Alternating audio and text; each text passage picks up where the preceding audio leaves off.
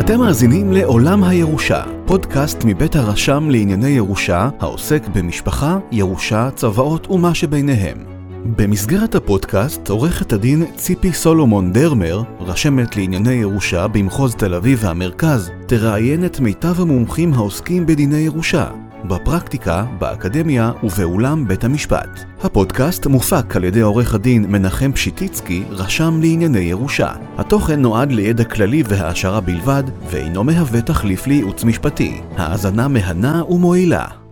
שלום רב וברוכים השבים, אנחנו בפרק נוסף בפודקאסט עולם הירושה, מבית הרשם לענייני ירושה, משרד המשפטים, והיום יש לי את הכבוד לארח את כבוד השופט בדימוס בן ציון גרינברגר לשיחה מעניינת ומרתקת על העולם של הנאמנות בהקשר של דיני הירושה.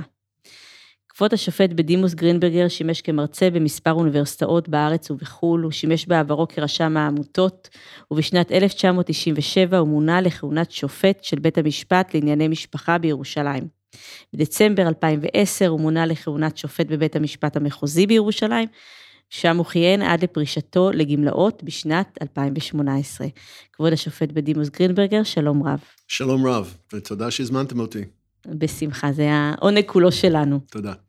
אולי בראשית הדברים באמת נסביר למאזינים שלנו מהי בכלל נאמנות. הקונספט הזה של נאמנות בדין הישראלי הוא אה, באמת מעניין כי הוא שונה מהעיקרון של נאמנות ברוב המדינות, ודאי ברוב המדינות אה, האנגלוסקסיות. אה, בדרך כלל מקובל שהנאמן הופך להיות הבעלים של נכס, הבעלות עוברת אליו, mm-hmm. אבל אה, מוטל על, אה, על כתפיו לקיים הוראות, אלו הוראות שהיוצר הנאמנות אה, קבע. קובע. בארץ, חוק הנאמנות קובע במפורש שהנאמנות היא יחס שבין הנאמן לבין הנכסים, זאת אומרת שנוצר איזה יחס המחייב את הנאמן להתנהג בצורה זו או אחרת, אבל לא מדובר בכלל בהעברת בעלות. Mm-hmm. בשעתו הייתה ביקורת מאוד מאוד חריפה של המלומדים על הקונספט הזה הישראלי, mm-hmm. ובהצעת החוק, חוק של הקודקס האזרחי, אפילו בוטל הרעיון הזה, ונקבע okay. בחוק החדש כאילו שכן תעבור בעלות, okay. הקודקס לא עבר. Mm-hmm. בינתיים המדינות המערב עוברות לשיטה הישראלית. אה, או, כן, לומדים מאיתנו. ויותר ויותר מדינות מתחילות להבין שאין שום צורך להעביר את הבעלות, הבעלות נשארת עם, עם הבעלים המקוריים, רק שאנחנו יוצרים איזה יחס בינו לבין הנכס, לבין הנאמן, שמטיל על הנאמן אה, אחריות. ולפי חוק הנאמנות יש שלוש דרכים שהנאמנות אה, נוצרת. אוקיי. הראשונה זה אה, נאמנות על פי חוק. זאת אומרת, החוק, החוק קובע מי אתה, mm-hmm. ולדוגמה, מנהל עיזבון. אוקיי, הנה דוגמה טובה מהעולם נקבע, שלנו. כן, מנהל עיזבון נקבע על פי חוק. חוק הירושה קובע נכון. שיש יצור כזה, נכון. מנהל עיזבון. בא חוק הנאמנות ואומר שאם על פי חוק כלשהו, במקרה הזה חוק, חוק הירושה, הירושה קובע ש, שהאדם הזה, מנהל עיזבון, יש לו קשר ויחס לנכסים של עיזבון, ויש לו אחריות לעשות אי אילו פעולות, mm-hmm. אז חוק הנאמנות מתלבש גם עליו.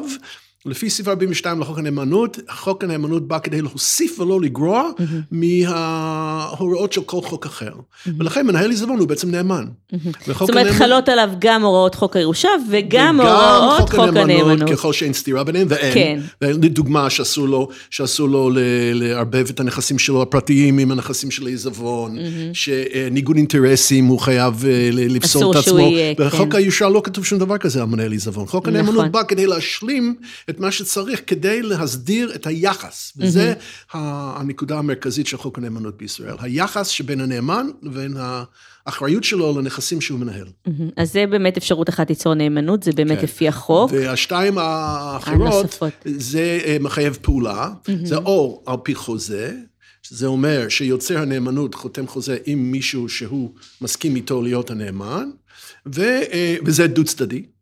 אוקיי, באיזה זה, מובן? זה יוצר והנאמן, הם חותמים על חוזה, ודיני החוזים חלים. הבנתי, זאת אומרת, שניהם צריכים לחתום, אתה לא כופה את זה, אתה נכון, לא יכול נכון, לכפות, נכון. אתה מגיע לאיזה שהם הסכמות. ויש לזה איזה יתרון שאתה נכנס לי, ליחס חוזי עם הנאמן, מצד mm-hmm. שני זה רק עם הנאמן. הדרך השלישי זה כתב הקדש. אוקיי. עכשיו, הקדש במובן הקלאסי, זה היה מטרה ציבורית, כן. צדקה, בית חולים, אוניברסיטה.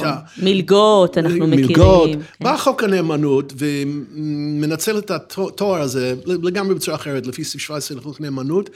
כל מטרה שאתה קובע בו בכתב שאתה אה, עורך נוטריונית, אוקיי. חד צדדית, זה כתב הקדש.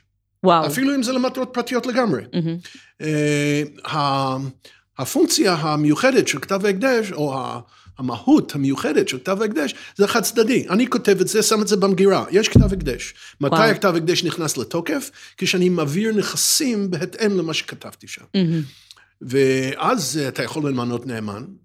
אם אתה לא ממנה, בית משפט יכול למנות במקום, במקומך, דבר שבחוזה כמובן אי אפשר. נכון. אמ, וזה יכול להיות בחיים שלך, או הכתב הקדש יכול להיות כלול בתוך הצבא. בתוך הצבא, ואני מניח שעל זה את רוצה לדבר. כן, כן, אנחנו נדבר על זה אה, בהמשך. אז דיברנו על המנגנון של נאמנות, ובאמת על היחס שבין הנאמן לבין הנכסים. ואני רוצה לשאול אותך, למה בעצם לשקול אלטרנטיבה של נאמנות בצוואה? למה אי אפשר להשתמש בכל מיני כלים משפטיים אחרים שאנחנו מכירים מחוק הירושה, יורש אחר יורש, יורש במקום יורש, או מתי באמת מתאים להשתמש במנגנון של נאמנות בצוואה, שהכלים האחרים של חוק הירושה לא מביאים אה, אה, לאותו אה, פתרון. בגדול, הייתי אומר שההבדל הוא הגמישות שחוק הנאמנות אה, נותן. אה, לדוגמה, הזכרת יורש אחר יורש. נכון. אה, וזה קשור לבעיה של הנצחויות, שבכל העולם התייחסו לזה, כמה זמן מותר לו, או אפשר לתת לבן אדם שהוא כבר בקבר, לשלוט על, על הנכסים שלו. שלטון המת על החי, מה שנקרא. שלטון היד המתה. היד המתה, כן, כן. בדיוק. לפי חוק, לפי חוק הירושה, בסעיף 42, יורש אחר יורש, מקסימום אתה יכול לתת ל, ל, ל, לעוד- ל, לעוד. שניים, נכון. ופלוס כל אחד אחר שהוא בחיים בעת שהצבא נכנס נכון. לתוקף. שזה 50, 60, 70, 70 שנה. לפי חוק הנאמנות אין מגבלה. בכלל. זאת אומרת, אתה יכול ליצור, בפרט אם מדובר באנשים אה, עתירי נכסים, שהם אוקיי. רוצים ליצור איזה, אה, איזה גוף דינסטי, אם תרצי, שיימשך לדו- לדורי דורות. להמון ו- שנים קדימה. כן, א', שתיים, אתה לא יכול לדעת מראש, וכל אחד שאומר שהוא כן יודע, אז את יודעת למי ניתנה הנבואה. כן. כן? אף אחד לא יכול לדעת מראש, בפרט כשמדברים על המשך של נכון. שנים רבות, מה יהיו הצרכים של הצאצאים שלך, הדיפרנציאליים, אחד עושה אקזיט ואחד הוא, אה, הוא אברך כולל. כן. אז אה, יש צרכים שונים. משתנים. ואתה לא יכול לצפות כל וריאציה כשאתה כותב את הצוואה. נכון. אתה צריך שתהיה לך אפשרות לתת למישהו שיהיה במקום בש... בזמן אמת, להכריע לפי הצרכים של כל אחד ואחד. לפי חוק הירושה אתה לא יכול לעשות את זה. ויורש אחרי יורש בוודאי שלא. א', היורש הראשון יכול לקחת את הכל, נכון. ולא יישאר שום דבר. החוק אומר שהוא יכול לעשות כי אתה יכול להתנות על אפשר זה. להגביל, כן. נכון, אנחנו מכירים כן, מגבלות. כן. אבל, אבל לתת למישהו אחר סמכות להכריע במקומך, למי לתת חלק מהעיזבון, זה בפירוש אסור, לפי סעיף 28, 29, אתה נכון. לא יכול להפקיד סמכות כזה, שבאנגלית זה נקרא power of appointment. עכשיו, power of appointment לפי החוק הישראלי אפשר רק אם אתה מגדיר מראש, אה, למי מבין קבוצה מוגדרת, כן. אתה רוצה לתת, ובאיזה נכסים מתוך הכלל. כן, יש על זה פסיקה באמת ענפה של בית אבל המשפט. משהו כללי יותר, זה בלתי אפשרי לפי כל ירושה. בחוק הנאמנות אין שום בעיה. אתה יכול לומר, אני מעביר את העיזבון שלי לניהולו של חברי הטוב, שהוא... אני מניח 20-30 שנה פחות אה, צעיר ממך. כדאי. כן, ו- ואני נותן לו את הסמכות המלאה והבלעדית להחליט כמה לתת ולמי, לפי הצרכים האובייקטיביים שהוא יראה לנכון בשעת מעשה. אוקיי. ובחוק הירושה אתה לא יכול לעשות את זה. אתה יכול, לא יכול להסמיך או להאציל סמכויות לאף אחד אחר. אז אמרנו, יורש אחר יורש מגביל אותך בזמן. נכון. חוק הנאמנות לא עושה את זה. אה, חוק הירושה איננו מאפשר גמישות לאורך זמן, אה, וחוק הנאמנות נותן את זה. אה, עוד אני יכול להגיד שסעיף שמונה. אוקיי. סעיף שמונה, שזה קוזוס בלאי, זה אפשר אה, לדבר. על הפודקאסט שלם, כן. אה, הסכם בענייני, בעניין אה, ירושה. שזה אסור. עכשיו, בואו נגיד שאני אני, אני כן רוצה לעשות משהו כזה, וסעיף 8 לא נותן לי, אז אני יכול ליצור נאמנות בחיי, ויש כבר פסיקה, יש פסק דין של שופט הנדל שהוא, באובטר אמ, אומר שאולי זה אפשרי, לפי, הנוסח של סעיף 8 עצמו, אם יש מרכיב של המתנה שכבר חל בחיים, אז זה שזה ממשיך גם אחרי המוות, זה לא כבר- נחשבת זה לא. זה לא נחשב של להפ- להפרה של סעיף 8. אז אני יכול ליצור נאמנות בחיי. כן. כן? ואני נותן לעצמי זכויות, אני נותן לאשתי זכויות, אני יכול לתת למי שאני רוצה, ואז אני קובע, קובע, המשך הנאמנות אה, גם אחרי מותי, וזה ינוהל לפי א', ב', ג', זה כבר לא סעיף 8, כי זה כבר בנאמנות שהיא קיימת כבר מחיים. אה, ואת זה צריך לעשות לדעתך גם בצוואה, או זה יכול להיות בהסכם הנאמנות והוא יחול? זאת אומרת, איפה הממשק הזה בין אם אנחנו הנאמנות עוברים לשאלה שיצרת? של, טיפים, של כן. המלצה, אוקיי, הנה. אה, אז, אז, אז בוא אני ניתן בעד, למאזינים אני- שלנו באמת כן, אני טיפים. בעד ליצור את הנאמנות כבר בחיים, אוקיי. אפילו אם זה יהיה רק מעטפת, אוקיי, ואז תראי מה שאפשר לעשות. בלי נאמנות, בן אדם הולך לעולמו, בדרך כלל הנכסים שלו מורכבים מכמה אה, סוגים שונים. נכון. יש כאלה שעוברים בעיזבון באמצעות הצוואה. יש קרנות וקופות גמל, נכון. פנסיות. נכון. יש ביטוח חיים, נכון. שזה הכל עובר דרך סעיף 147, נכון. מחוץ לעיזבון. לכאורה, כן. עכשיו, כל מרכיב כזה מנוהל בדרך אחרת. נכון. עכשיו, תצרי נאמנות בחיים, מהמם. ואז בצוואה את כותבת שכל העיזבון שלי עוברת לנאמנות שלי. בחיים. אוקיי. את אה, שולחת מכתב לחברת הביטוח, ואת אומרת, בשעת לפי מותי... הצוואה אני רוצה. לא.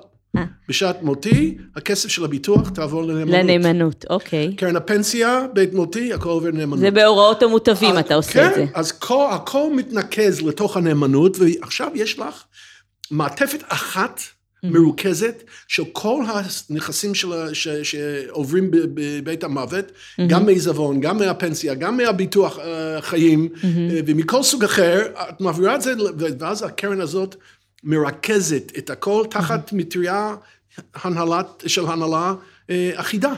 זה נקרא באנגלית pour over trust, pour over הכוונה היא שזה נשפך מכל, ה, מכל מכל המקורות. המקורות האלה לתוך מנגנון מרוכז אחד, זה הכי אפקטיבי שיכול להיות. ואיזה עוד מקרים היית ככה אה, ממליץ למאזינים שלנו לשקול מנגנון של נאמנות? אם יש לך ילד שהוא אה, עלול למצוא את עצמו בחובות. אוקיי. והנושים כמובן אורבים לו, ויעקלו את הנכסים שלו. אז אתה, במקום לתת את החלק שלו בעיזבון אליו ישירות, אתה שם את זה בנאמנות, בנאמנות לטובתו. לפי חוק הנאמנות, כל סכום, כל נכס שבנאמנות הוא חסון בפני תביעות של נושים. אלא אם כן כמובן העברה הייתה בכוונה. כן, אה, אנחנו לא מדברים כן, עליהם, לא, לא, כן, אבל, לא. אבל באופן כללי, כן, אתה יכול לעשות. זה פנטסטי.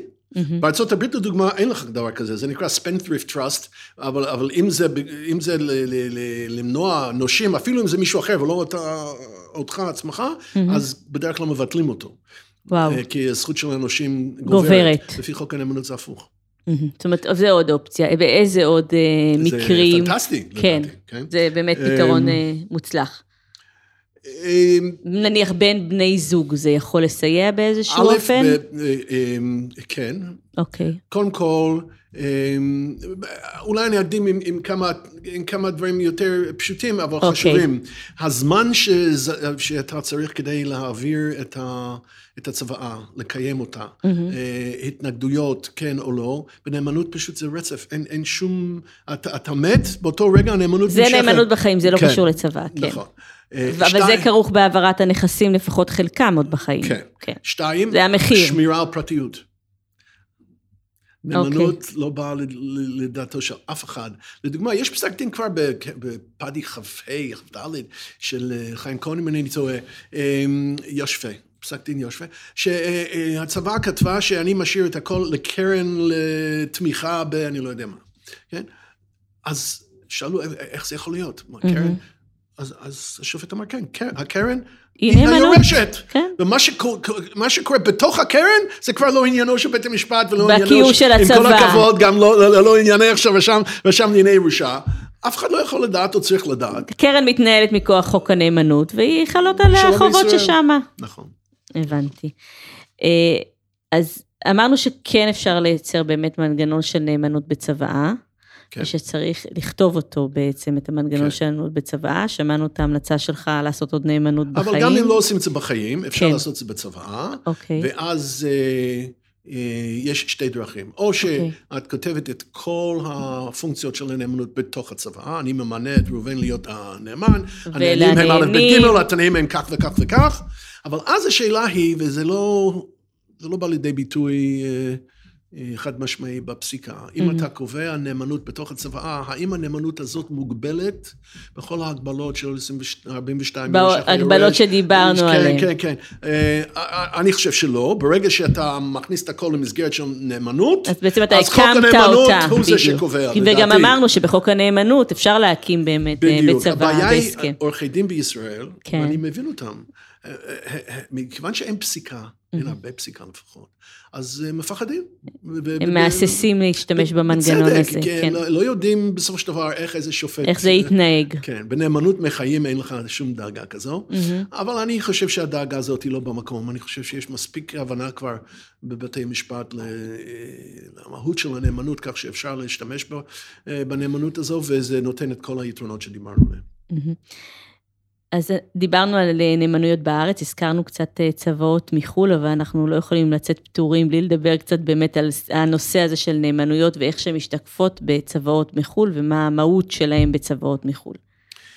אז אה, בחו"ל, אה, אני אדבר על ארה"ב שאני מכיר, כן. אה, הנאמנות אה, משמשת אה, בעיקר כמרכיב של תכנון אה, מס, אה, מס עיזבון בעיקר. כן, בארץ היה כבר פעם מס עיזבון, כפי שאנחנו מכירים, ב-1980-81, הוא בוטל. נכון. אני זוכר כשהייתי רשם עמותות, הג- הגיעה אליי איזו דלגציה ממשרד האוצר, שמעו עליך שאתה מכיר במס עיזבון, שהיית פעם מרצה למס עיזבון בארצות הברית, ושאלו, איך אתה רואה את זה אם אנחנו נחדש את זה? ואמרתי, שום שמיים, אל תחדשו את זה, זה יהרוס את הכלכלה הישראלית, כל הכסף ירד שוב מתחת לבלטות, כפי שאנחנו זוכרים, אז ברוך השם הצלחתי, כמובן, לא אני, אבל זה לא, זה לא, אבל בחוץ לארץ זה מס עיזבון, למרות שזה רק לעשיריון הממש העליון, ואנחנו עלולים לקבל צוואה בארץ, שלנו מעניין רק מה, מה קורה עם הנכסים, נכון. אבל אנחנו מקבלים איזה ספר, לגמרי. אקורדיון, נכון. של 50 עמודים עם כל הסעיפים, ולמעלה מכך, נכון. של, של, שאין להם שום, שום תכלית או תועלת בעיניים שברור לנו ישראליות. מי הנהנה. זה הכל עניינים של מס, ואיכשהו... עורך דין ישראלי חייב לד- להפריד בין המוץ לבין התבן, כן. אה, כדי להבין מה רלוונטי לנו ומה לא. אז אה, כדאי במקרה כזה לעבוד יחד עם עורך דין בארצות הברית שמכיר את הצד המיסויי. כדי להבין לה- באמת. כדי להבין מה רלוונטי לישראל ומה לא, אבל אה, אני, אני בוודאי לא אמליץ לכתוב צוואות כאלה משוגעות, עם כל הסעיפים האלה. אפשר... אין להם אפשר- באמת תכלית פה, כל עוד אין אצלנו נכון, מס כל עוד שאין עיזבון. מס עיזבון, כן, אפשר לכתוב בשני עמודים מה בדיוק אתה רוצה מהנאמנות הזאת, וזה עובד פיקס. אמ, הנאמן אולי צריך לה- לה- לה- לה- להצהיר במס שבח, אבל כפי שאמרת, אנחנו לא ניכנס לעניין המיסוי, אבל זה לא, זה לא מכביד. כן. צריך לדעת, צריך להכיר מה, ש, מה, מה, מה האחריות של הנאמן בסעיף הזה של המיסוי, אבל כן. זה לא, זה לא מכביד. אמ, חוץ מזה, הצוואות בארצות הברית אה, ובאנגליה ובכל המדינות האנגלוסקסיות הן בוודאי מכירות את הנאמנות, זה נאמנות נכון. היסטורית, זה, זה קם באנגליה לפני מאות נכון. בשנה, אז כך שאצלהם זה דבר שבשגרה.